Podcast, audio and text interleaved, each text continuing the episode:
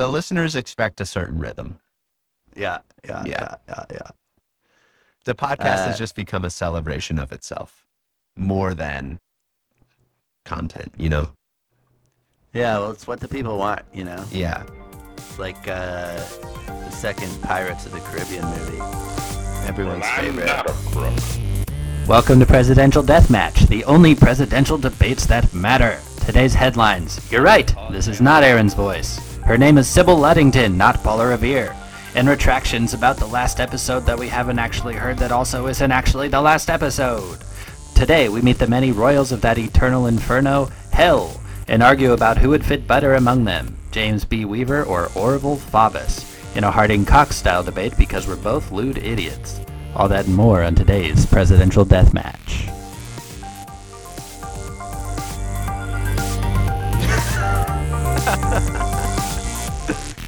but yeah, Halloween, very spooky. Halloween, spooky, spooky. And speaking of spooky, Speaking Uh, of spooky, welcome to Presidential Deathmatch, everyone. the only presidential debates that matter. Yes, it's a very special episode today because Aaron Garrett is not here. So special in all the wrong ways. and we're going to get a sense of just how raw and problematic the podcast becomes when Dennis tries to host. But with him, A sense of Aaron Garrett's incredible capacity for coordination yes, and his infinite well of historical knowledge that was, yeah. percolates throughout the entirety of Yeah. the show normally. I was just about to say that the nice thing about him not being here is that I can finally like get some real knowledge out of this pod Yeah, yeah, exactly. without all that hot air. And Uh, Yes, with me as always is Andrew Stout, man of meat, yep, made mostly of it. and we are here today to talk about something that we both have expertise in.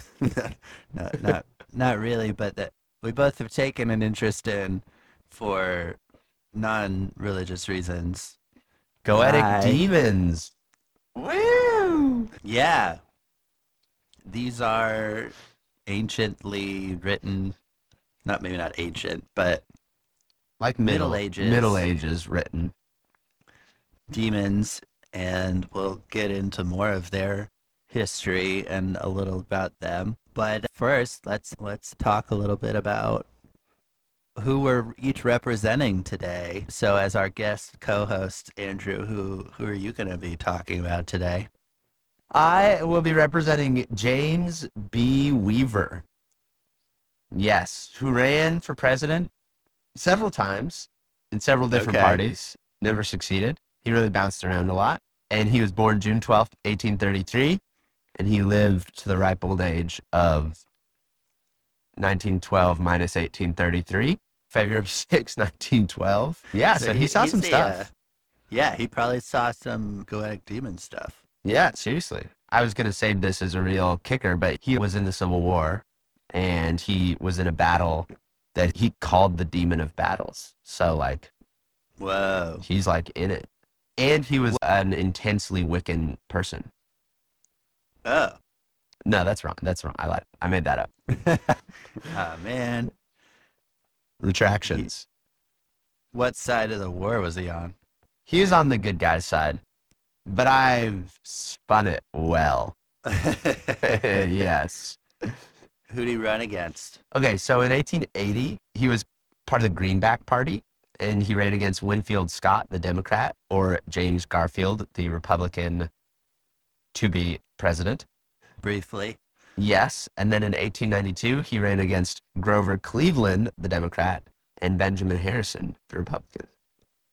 And at that time, he was part of the Populist Party or the People's ah, Party. The populists. Yes. Interesting. That was that was kind of during that Republicans always win phase, Cleveland. Yeah. Yeah, I I trust you there. Nice. Yeah.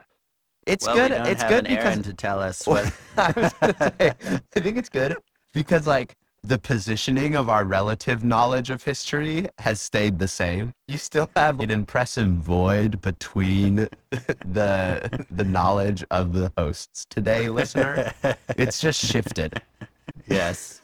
And what what was just in a few sentences? What why did he run and why did you end up choosing? Oh, you kind of said why you chose him today is because he said one thing about demons one time. No, no, that's not why I chose him at all. I chose him because I Wikipedia'd a list of politicians who had been spurned by their former party, aka the fallen angels of politics.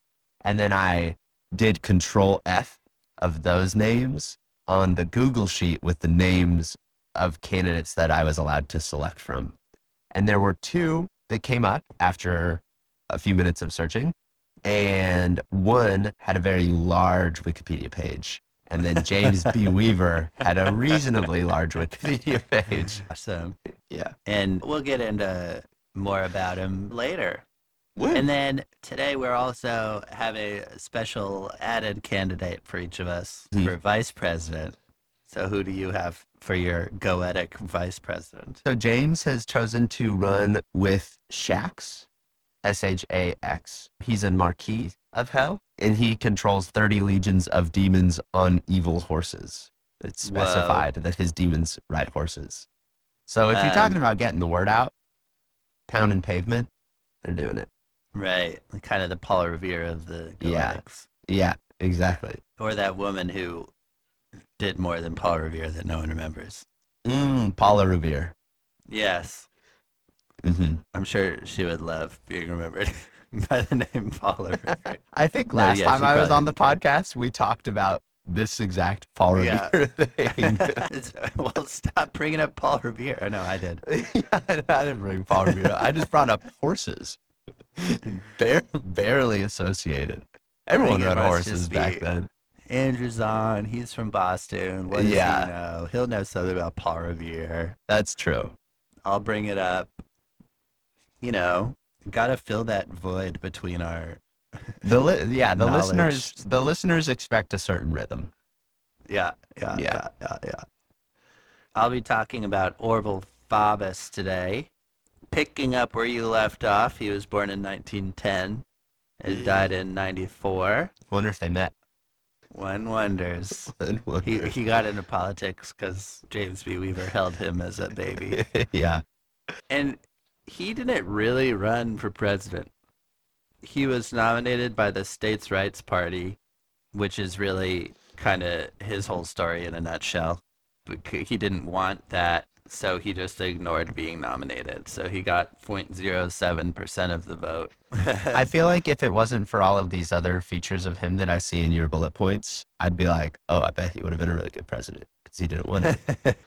Yeah, he was a moderate Democrat and mostly known for being governor of Arkansas. And yeah, the famous thing with him was that under Eisenhower, when Brown v. Board of Education was passed, which desegregated schools, he used the Arkansas National Guard to stop black kids from going to school. What was he the wait? But he was the Rock. he used the oh, and then that that was why the National Guard had to come. Yeah, Whoa. Oh, that's crazy. That's a big moment in history. Yeah, and he became really well known around the world all of a sudden. Yeah. And, and I was surprised to see that it wasn't, it was, he became uh, polarizingly, like everyone knew him and some people thought he was great, Yeah. which I guess makes a very sense. specific set of people, I'd say. Yeah. So yeah, he was very successful, even though that was his second year as governor out of six.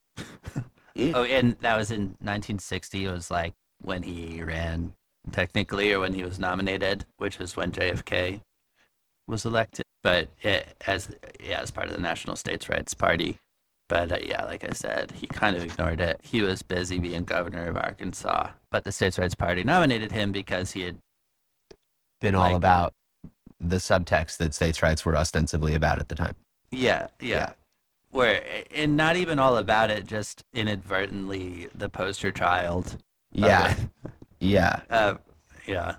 It's like how somebody's gonna nominate Kyle Rittenhouse for something, Yeah. Pretty much. Yeah. or if he hasn't like already been. So I chose him because Faubus, I thought sounded like Flautus, who is one of the Amen. a Duke of Hell. When when I saw your name first, like I just saw that you because you hadn't written Orval Faubus, you'd just written Faubus, and I was like, oh shoot, are we like do we have to like pick a demon to like do that? Like, are we off track about our thinking of what we're supposed to be doing here? Because his name sounds so much like a demon's name. Well, see, so I've already won. Mm, wait until you hear my points. I, I think I have really good points. I'm, I'm actually quite excited. I feel like the pod doesn't often actually get to the debate, so we'll see if I have a chance to make my points. But but I'm excited to potentially do so. I mean, I'm feeling good about today because it's minute 23 and we're almost through the intro. yeah. But anyway, so he's a leopard man. Come again? Flautus is a, Oh, Flauros. Okay, you're now on Flauros. Who is your VP nomination? yeah, he's my Veep. He's a Duke of Hell. He's a leopard man with claws and he tends to light things on fire. Like the passions of his constituents. Hmm. Mm. Okay. So, before we get into our debate here today, we have some retractions to do. Retractions. Yes. We're opening up the, the rap retraction box today. Um, first on our, our list here is that you listened to the Zordon episode. Which I did. came out tomorrow. I did. Yes. I actually Uh. summoned vice presidential candidate Shax to scry into the future and Nice. listen to it. I thought it was the best episode yet. Oh, nice. Yeah. Yeah, I had a great time. Also had some absentee Aaron featured in it, which we're doing even more of today, and so people could get a little taste of today, I Mhm. guess. I was just surprised because I think Ned is a childhood friend of his, and yet he doesn't know his last name. And I don't understand how you could go that long in someone's life. He introduced me, he said, This is Ned. Don't know. Whoa. So I have to follow up on that with him. Yeah. Yeah. I don't know your last name. I just referred to you as my friend. Dennis Brend. Mm-hmm. I also, my candidate, John Hagelin, is, do you know anything about transcendental meditation? I learned about it. I learned about it a lot during tomorrow's podcast. Nice. Yeah. Yeah.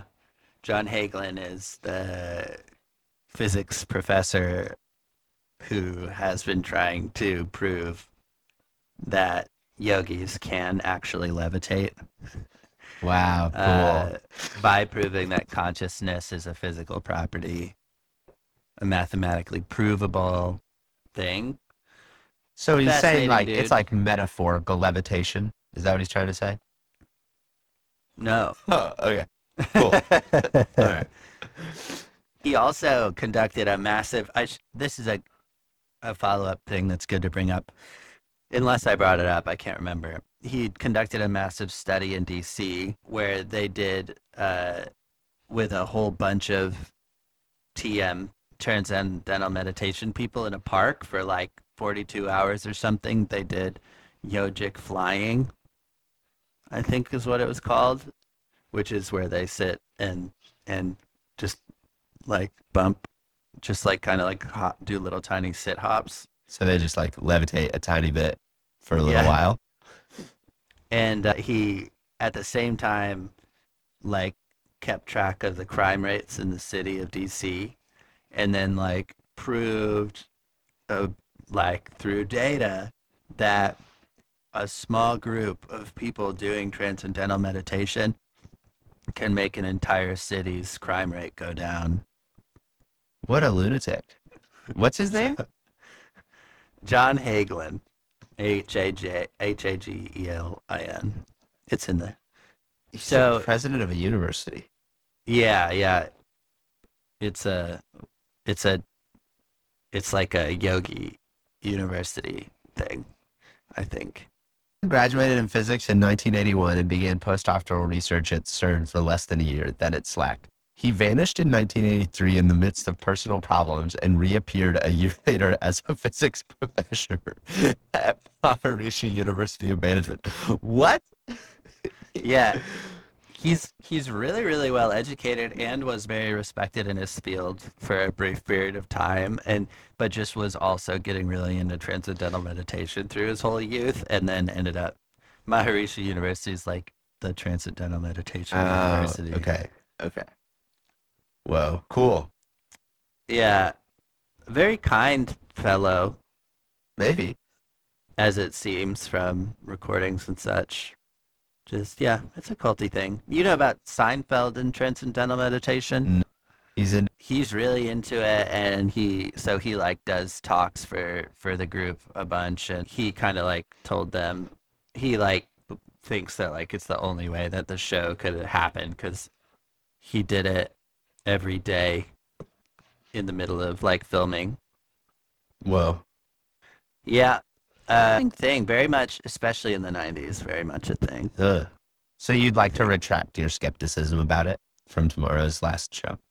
yeah yeah Okay. it's a hundred percent real Yeah. I mean, really not that different than what we'll be talking about today, where, you know, it's very culty, but very, really nice people when you look into it, similar to Satanists. Maybe. I mean, probably some nice people, probably some bad people. Yeah, yeah, yeah, yeah, yeah, yeah. And I think I did remember to bring this up on the podcast tomorrow, but Zachary Taylor was a president, as you'll recall. But he. That was during you- that period where the Republicans were just like winning a bunch. No. I, I tried. I, I shot my shot. That was a period of time you referenced. But then I didn't feel confident enough to completely deny. Yeah, He was- That's I think the first time I've ever heard somebody successfully cut themselves off during the word no. He was he was like a Mexican American war guy, so he's one of those ones that they made president because he wa did war, and like literally both political parties tried to recruit him because like it didn't matter at all because he had no political involvement. So like Yeah, yeah. Yeah. But as you'll remember from early seasons, potentially, he was a ghost, Huh. and that's why he was so good at war because he couldn't die. Yeah. Uh, and then what we learned last week is that I think it was because he Taylor, was medita- he was doing TM. yeah, Every battle, he- he'd stop in the middle and just TM it, just butt hop a little. yeah, Yeah. just to keep himself tethered to the earthly realm. Yeah, exactly. Penny does something similar when she needs her anal glands expressed. Do you guys do that? No, no, we never have, to, have had to. I'm waiting for the day. Can't wait. We let Bluebell deal with it herself. Nice. You got yourself into this mess. Yeah. Um, so Zachary Taylor, Andrew, is also the Black Power Ranger. Mm. Nice. And so it, I'm wondering if all of the Power Rangers are actually ghosts trying to earn their passage into Zordon's galactic eternal lighthouse, Oh, yeah. or if it's just the black one. Yeah. Just so that I can understand kind of alongside the listeners here, what's the retraction? Or just that I didn't bring it up last. Oh, okay, okay. It's a protraction, yeah, yeah, a yeah. pretraction. Uh, yeah. I, I, I think that's a cool little theory. Okay. I'd have to watch an episode of Power Rangers to really understand. I mean, I've watched them back in the day, but I'd have to rewatch, you know. Yeah, yeah. I have a retraction. Okay. Okay, so this is from Aaron's arguments. And Yeah. he has this written, which the listeners will hear tomorrow and a week ago. He says, He was commissioned as a brevet second lieutenant, and during the Mexican American War, he proved so good at recruitment that his superiors were reluctant to grant his equal request to be sent to the front line. Although he was assigned to the Battle of Molino del Rey under his namesake, a fever kept him from participating. And it's just run on sentence after run on sentence.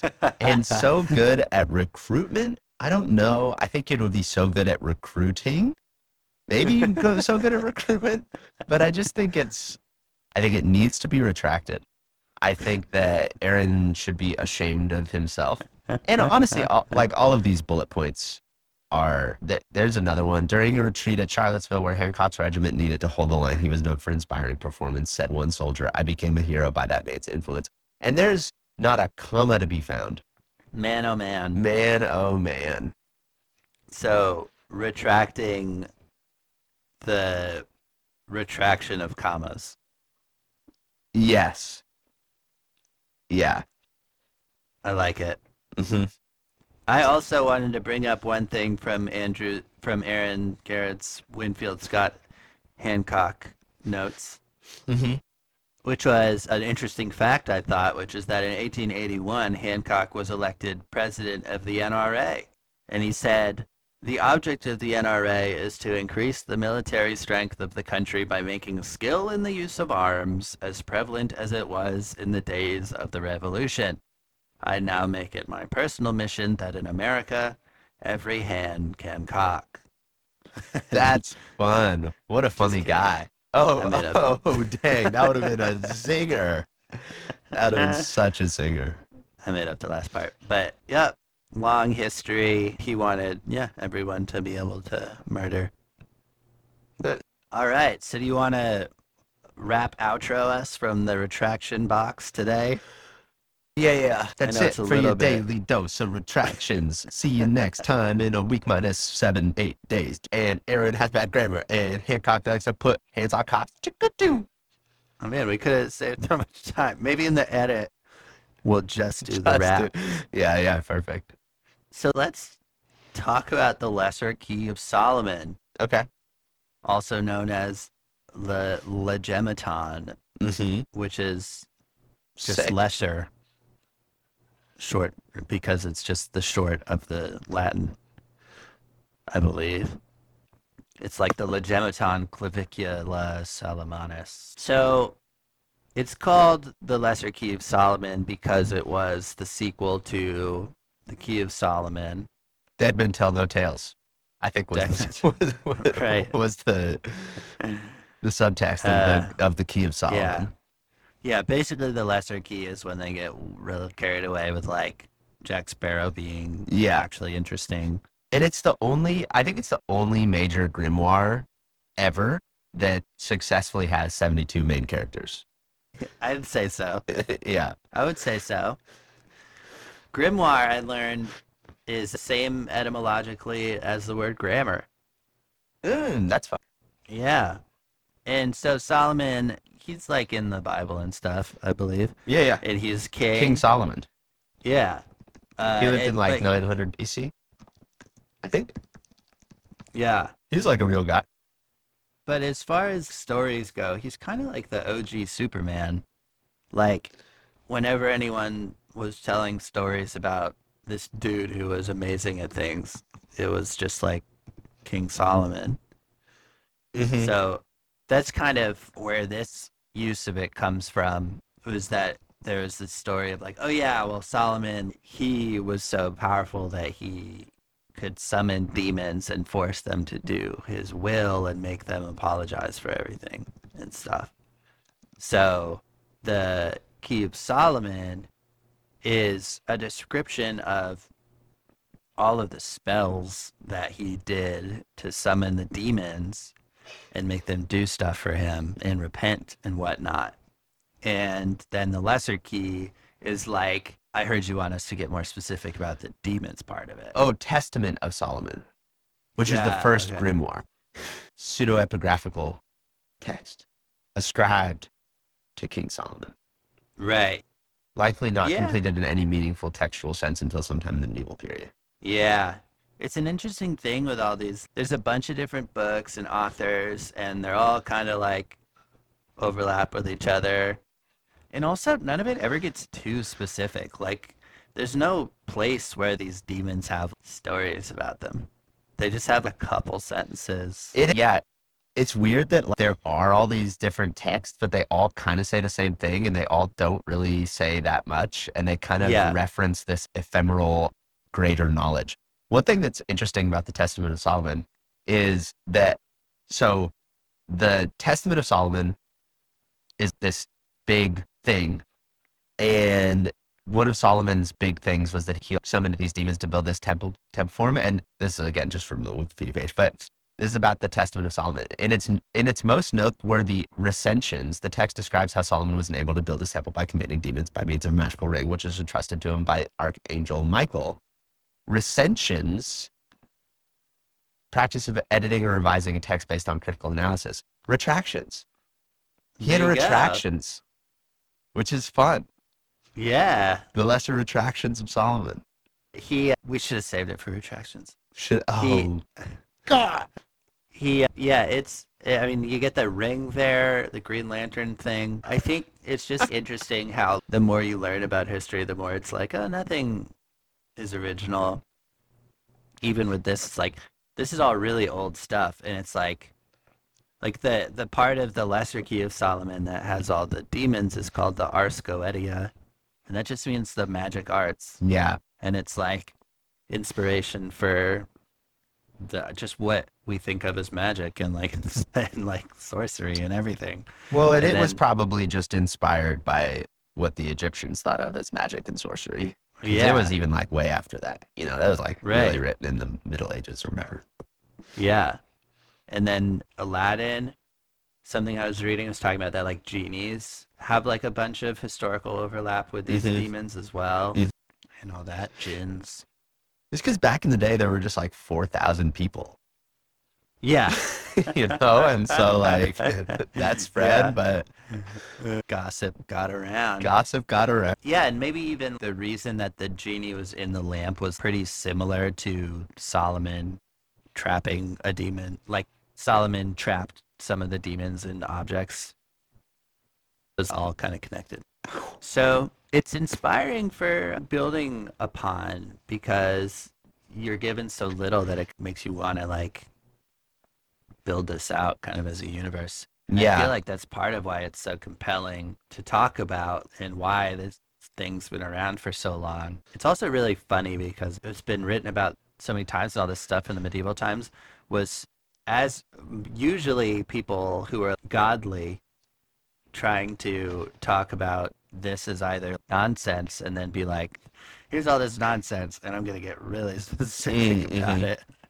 Or this is my description of evil and you should avoid it at all costs. Yeah, yeah. But here's how to summon them. Or even in the Solomon stuff, like, here's how Solomon used the power of the Lord and stuff. So it's it's a funny thing. But Mhm. it's of course, you know, the for the occult stuff today, that's the people who actually take an interest, I think, Yeah. nowadays. Well, and it was like, yeah, I mean, like, in a lot of ways, it wasn't. Yeah, it's not like this. These demons aren't really evil, which is kind of interesting. Like, a lot of them do like good things. Like when you go through what their tasks are, I think the most common ones are like teach science or teach language. And I don't think it was always necessarily the case that these demons in this art was positioned as the opposite of good Christian godliness. I think that distinction is formed more over time. But, you know, so much Christianity borrowed pagan stuff, and this is kind of a similar side of that coin. Yeah, although teaching science, that's the work of Satan and well, for sure. quite literally, yeah, that's true. But I think that was like evil later. You know, I don't think that was always evil. That just got evil. Oh, I thought it was always evil. No, I don't think it was always evil. Astrology? Think of like the Greeks. Totally not evil. I don't know. Not evil. It was just like the Dark Ages. It was like the Middle Ages when it became, I think, really evil. I mean, I think Right. it goes back and forth to being evil. There are Yeah. people now who make it evil. Yeah. People won't do their friggin' research. Yeah, do your own research. Does at Do what point does a coincidence become mathematically impossible? That's my question to you. Well, it never becomes mathematically impossible. That's true. That's true, and I think that's an important answer that a lot of people don't understand. Another thing, just talking about how this is all kind of funny, is one thing I just want to note is that a lot of these demons are like hilarious. Like it, it'll Yeah. be like one's like a lion with a serpent's tail and breathing fire, and then the other's like a baby with a stork's head. It's like Yeah. that's a goofy, goofy. Yeah. yeah. And then there's like no reason why. There's no explanation. Mhm. It's like someone at some point just was sitting in a room and decided to write the words a baby with a stork's head. yeah. And there's like no way around that being the case. Well, somebody was sitting in a room, like tripping their face off, and decided to write those words. Yeah, and I always love going through what they do because it's like all written in kind of a weird way, and it's like yeah. so like like Vepar, the demon, can make men die in three days by putrefying sores and wounds, and you're like that makes sense for a demon. And then Yeah. Crocell can warm bodies of water, create the illusion of the sound of rushing waters, and reveal the location of natural baths. it's like, what? There's 72 demons, and hell's putting like one guy, Yeah. Pathfinder. Yeah. Pathfinder. That's funny. Let's talk about the presidents in here because another interesting thing with Mm. this is that hell is like the most organized hierarchical system. Everyone gets ownership over their domain. They're trusted. They're put in charge. Kings, dukes, princes, marquises, earls, knights, and presidents. Got them all. Um, yeah, and so they really do have presidents in here, which is why we were inspired to do President of Hell for today's episode. Mhm. We've got Prince President Barbas, for example, governing 36 legions of demons. And Who was part of the answers- Whig Party originally. Yeah, and then switched over when that whole thing fell apart. Yeah, to the putre- Basically- putrefying sores party, which was Yeah. a big party in hell for a while. Yeah, There was that Basically him and- period where the putrefying sores party just seemed to like win election after election. yeah, yeah. Except Grover Cleveland sneaking his way in there. yeah, Dirty bastard. I remember that. one one president that I love is Amy. There's a- Amy. there's a president of hell just named named Amy. A M Y. Here's President Morax. He does not like green eggs and ham. He teaches astronomy, see? And other liberal sciences. Oh, evil. He's a- liberal maniac. yeah, total lib. He gives good and wise familiars. They, and there's that's the other thing is there are always these like weird ways of writing things, and all of these demons will just change if you ask them to. So many appear as evil things, but then when you ask them, they'll turn into the shape of a man. It's yeah. like, all right, cool. Yeah. The familiars thing is fun. And also a classic witchy thing. You have like a cat that's really a demon that takes the form of a cat and then turns into a person and helps you out when you need help and stuff. And that comes up a lot with these guys as well. That sort of mythology of fairies and things that are more in this servant kind of class is always coming up. And so through the years, this is crossed over with that as well.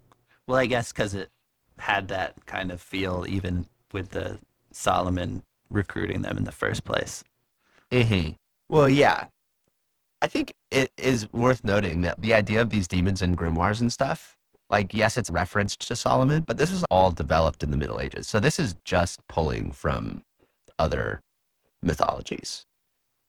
There's obviously a little bit of weird creativity going on, but relation with other things like fairies and familiars and all of that sort of stuff is just like these medieval people being like, oh, I've heard these stories. Like, let's slide it into.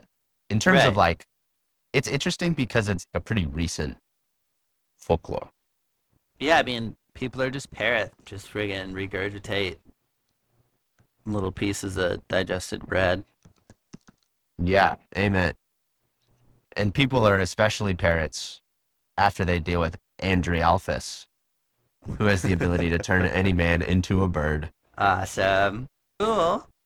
Alrighty. Well, I think we've. So that's the thing. Again, that's the thing about these demons is you can talk about them, but you also kind of can't because there's no story there. Yeah, yeah. It's just The like the story, I guess, is just that they're the ones that Lucifer brought when he fell from heaven, or at least that's one of the stories. right. Is that yeah. these are fallen angels, yeah. which is essential for my argument. Well, and the struggling to have a story is essential to mine. So, Perfect. but tell us why Probably James. kept pounding that that point. yeah. Whereas you've been so subtle about this fallen angels thing, it's really worked it in. And the Why- fallen angel thing's like the main thing. That's what these things are.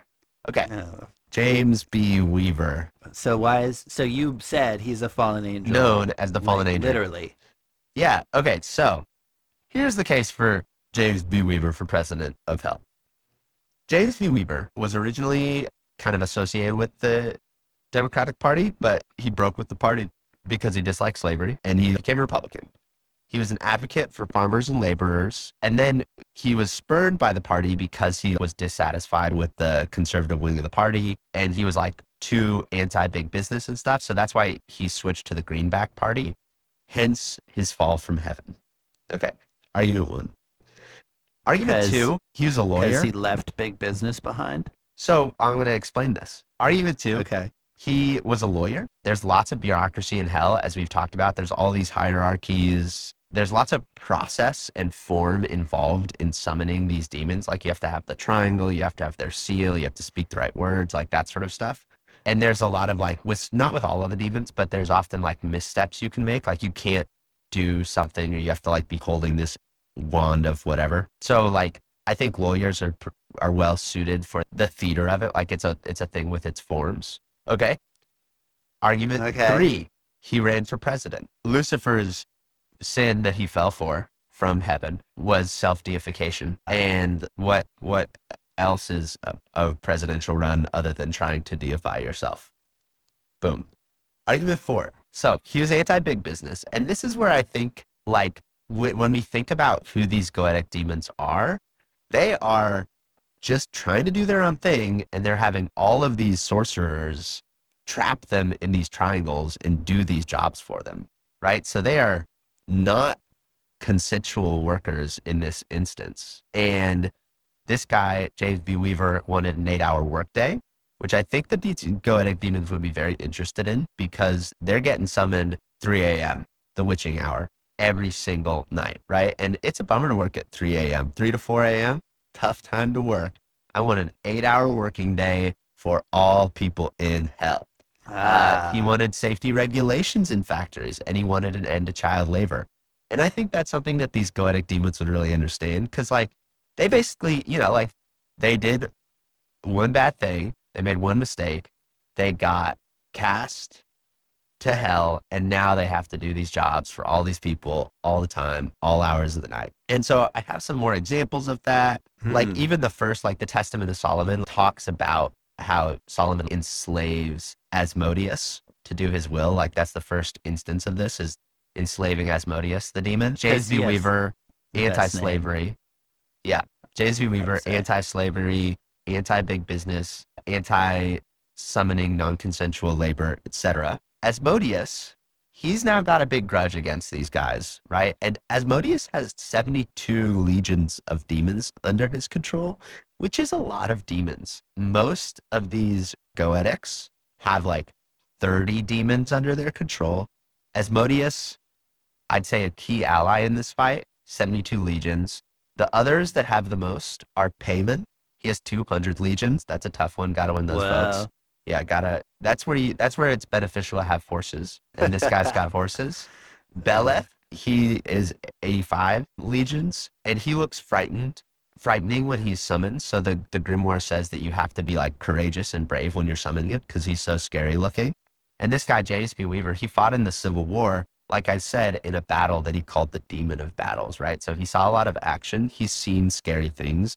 He's not going to be intimidated by Beleth when he goes knocking on that door to try to get those 85 legions of votes. And then 130 legions And he has the power to distribute senatorship and gives excellent familiars. He must be presented with offering sacrifices and gifts, or else he will not give true answers to demands. And what James B. Weaver was all about was the Greenback Party, which wanted to build the money supply of the nation and increase that money supply. So he's well situated to give gifts to Belial, therefore earning his 130 legions of votes. Okay, so that's another point. Can I keep going? His 130 legions of votes. Yep. Okay. Okay, point five. This guy, James B. Weaver, he was really, really adamant about opening Indian territory to white settlement. So he's a pretty evil dude. So he's got that going for him too, you know? Like he was all about increased rights for laborers, but the right kind of laborers. And I Yeah. think that's going to speak to these goetic demons because they want increased rights for themselves, but not for their legions of demons. You know, they're controlling these legions. And I think they still want to have that control. Okay. And then his goetic Veep, Shax, 30 lead. This is why they're a good pair. He's got 30 legions of demons on evil horses. That's a lot of votes. And what he does is he steals money out of kings' houses, carrying it back to the people. So he's all about stealing from this big business, giving it back to to the people, back to the He's laborers. Robin Hood. He's the Robin Hood. He's thoughtful and obedient, but he's also a great liar, essential for a Mm. politician. Yeah. And he's a stork. And that's cool. and he speaks with a hoarse voice. This is a quote. He speaks with a hoarse voice, but his voice changes to a beautiful one when he enters the magic triangle.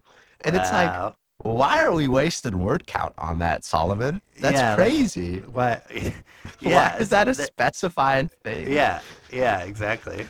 And you just your mind goes like, okay, why? What is the meaning here? Yeah. And it's just yeah. My guy Flauros, he he when he enters the magic triangle, he becomes very truthful and will answer of all things past, present, and future. But if he's not in the triangle, he's just will lie. Nice. So that triangle is key. Ca- Triangle's key. And I'd say the triangle is oppressive. And that's why James B. Weaver and Shax are here. I like Hell Shax. 2024. It's just a real fun name, Shax. Yeah. Oh, hell's next election, isn't it? Hell 24. man, Yeah. oh, man. But hell, hell's two years ahead of us. Oh, okay. Yeah, yeah. So it's a Um, timely debate. Yeah. I think I think it's a an interesting argument. I don't know. I mean, It's I like guess 15 incredibly compelling arguments. Let's well, let's clarify. like how so how anti forced labor are the demons really? And how anti long work hours are they? I I don't know if I I almost feel like maybe they lean into this like, okay, you got me. So now, you know, that's the whole deal. I, you know, if you get me, I'm going to do my thing. But I think, you know, like there are a lot of people kind of stuck in these bad situations who don't really realize it. And so what James B. Weaver and Shax can do is they can light that fire. And, you know, just because these demons aren't clamoring for this doesn't mean that in their hearts, they're they're rotten hearts. They don't rotten smoldering hearts. They don't want a little bit more freedom. Right. So I think I think that James B. Weaver is going to ignite a passion in the goetic demons rather than just leverage a passion that they already hold. And I think that's a much more powerful candidacy. Interesting. I guess we'll let the listener decide. We will. Uh, Faubus uh, did war as well. He was in World War II. And then he wrote a book about it in 1971, so many years after the Little Rock stuff. Basically, he was like an all press is good press kind of situation Mm. This Little Rock thing, put his name on the world stage, good and bad, but he kind of just pretended it never happened, other than making sure he took advantage of all of the attention he got, Mhm. and then just went, he leaned even more just kind of like populist and moderate. And so he won re-election like four or five more times as governor of Arkansas. He even ran against Bill Clinton at one point later on, which was interesting, and lost. And Clinton was able to use his negative reputation in those later years. But he is funny because this book he wrote is just about his time in World War II. So it wasn't like him writing a book to try to like clear his name or to try to clarify because Mhm. his position on the Little Rock stuff was that he was worried people were going to die from like violence between different groups and from mobs and stuff. And on the one hand, it's kind of believable. And so basically, he was like, I brought in armed forces to like keep the peace. But he didn't allow desegregation to just go, like happen with the National Guard. And so that's why Eisenhower had to take control. And also, then when Eisenhower just commanded the Arkansas Guard to leave, a mob did come the next day, but it's believed that Faubus knew about the mob Mm. or like was involved. hmm And so then Eisenhower sent in the Air Force to clear all that up. And then Faubus shut down the entire school Yeah. for a, a year. His book has has 2.4 stars on Amazon. Yes. And the one written review is I enjoy good word stories, but this World War II book is, was poorly written. And that review is by Astaroth. So it's actually, I think he's like, that's going to be really hard for him in this. Um, But because he's already got like one of these goetic demons like writing negative Amazon reviews for him. But it goes to show that they read each other's stuff. Like he, he's clearly part of their whole horde. Did I say Astaroth? I meant J Fred, just a random guy. Yeah. So the Little Rock thing speaks for itself. And really, while he was able to sort of cruise along and take advantage of it, which is icky, one of the weird things was that a bunch of people were like, yeah, he was in a sticky situation. Let's just look past it. And then were voting for him because they felt like he was a moderate Democrat. And this was when the Democratic Party was shifting in the South. So it was before the South became different, like post LBJ, but it was in that process. And he sort of rode the wave instead of getting drowned by it by being moderate. But then also, people who were on the racist end were always voting for him too. But then he was also getting a vast majority of the black vote. So it's kind of interesting. He like managed to pull off this sort of like situation.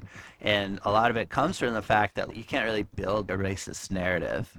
Like he supported Jesse Jackson later in his career, and he wouldn't ever say things that were like super pro white or anything like that. And the Little Rock thing, he had all these like reasons whenever you talk to him. So it's kind of like you see these things and you're like, oh, this is what he's known for. But then the more you look into it, you're more like, oh, this guy's confusing. And then you're like, oh, he wrote a book. And then the book's just about World War II. And it's like, he just wrote it as an amateur author, I guess. I don't Mhm. know. It's weird. So I think similar to these demons, it's like you have all these details, but it's almost like they were pulled out of a hat and you don't feel great about him as a person. He's definitely got some sinister stuff going on, but at the same time, he was trying to be like a populist, like you were saying, and I feel like you arbitrarily attached the clause just like these demons. you did such a good job at being not arbitrary at all. well, it's because it's a clear favorite. Uh huh. Clear favorite. And my goetic Veep here, Flauros, um, I covered a bit, but he interesting thing about him is he's called upon when a mortal wishes to take vengeance, and then he turns them into fire. And so I feel like Faubus, you know, has a lot of vengeance in his heart with Eisenhower in particular, but also just generally. And so having a Veep that can take those vengeance and and also Faubus has proven that he likes to take advantage of his ability to use armed forces to oppress people. So he would probably love and use Flauros to great effect. Flauros yeah, but he's going up against 30 legions of demons on evil horses. I think that's one thing you have to realize is that I'm e- evil horses. But Flauros is a fire breathing flying jaguar. He has plenty of legions himself. So Yeah, but Shax appears as. Oh, I already said this. He's stork. He's a stork. So weird. it is so good. Well, all right. So I think we've covered things pretty well here today. I think so. So thank you for being on. And I hope you have a great time in Alaska. Thank you very much. Sorry, I'm just reading more about Shax. This thing has like a Shax quote, but it doesn't say what it's from or anything. So weird. Oh, Do we need to do something to like wrap up? I was just thinking that. All right. Well, I'm sure everyone will be happy to have Aaron Garrett back next week. But until then, President's Deathmatch regrets the errors. yeah. Good night. Speak softly. Thank you for listening to Presidential Deathmatch. Presidential Deathmatch was hosted this week by Dennis Buddy and Andrew Stout and edited by Dennis Buddy. If you liked the show, please leave us a review in your app with a comment in Dutch. If you didn't like the show, why don't you give us another try? We really grow on you like fungi in a moist groin. If you want to contact us, you can do that at contact at pronoiatheater.com. You can also support the show by going to pronoiatheater.com slash store and getting an awesome t-shirt, or by going to a Pronoia show. That's Aaron Garrett's theater company, and they're hilarious and doing shows in Houston and online all the time. Thanks again, and until next time, keep debating and don't forget to retract. Goodbye.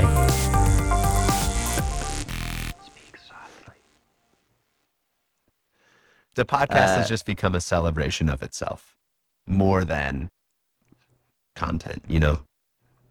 Yeah, well, it's what the people want, you know? Yeah. It's like uh, the second Pirates of the Caribbean movie. Everyone's favorite. Came out like a decade later. No, closely on the heels. no. Yeah. It was like weirdly later, and it just had a bunch of references to the first movie. And then they tried to do like Pirates Cinematic Universe. It was a mess. Well, they nailed it. It came out three years later. Reasonable. Three, really? It was three years? Yeah. I thought it was way more than that. No, incredibly reasonable. Dead Man's Chest? Dead Man's Chest. And then one year until the third one, they were really picking up steam.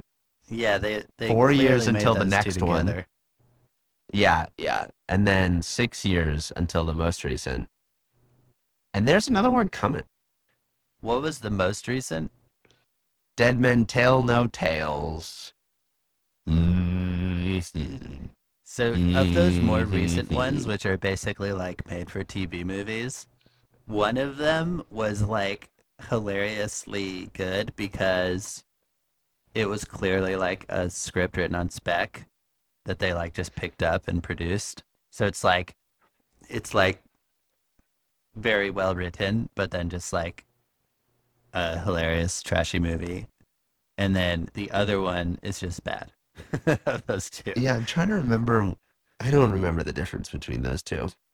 We had just on our honeymoon we watched them all, I think, because we were in the Caribbean. It was just oh nice. It was I think it was honestly the biggest I think it was a really big flaw to have Elizabeth Swann fall for Jack Sparrow.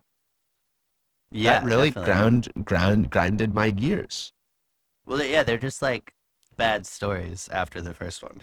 Yeah, Like, yeah. Except for the one, which is just really random. It's like Elizabeth Swann and Orlando Bloom's kids. Are you thinking of Hook? Yeah, they just they basically just did Hook again, Mm-hmm. and it's great. Anyway, I'm doing The next one's going to be a prequel. No. It's already, I don't know. Never mind. All right. Back to the Ars Goetia.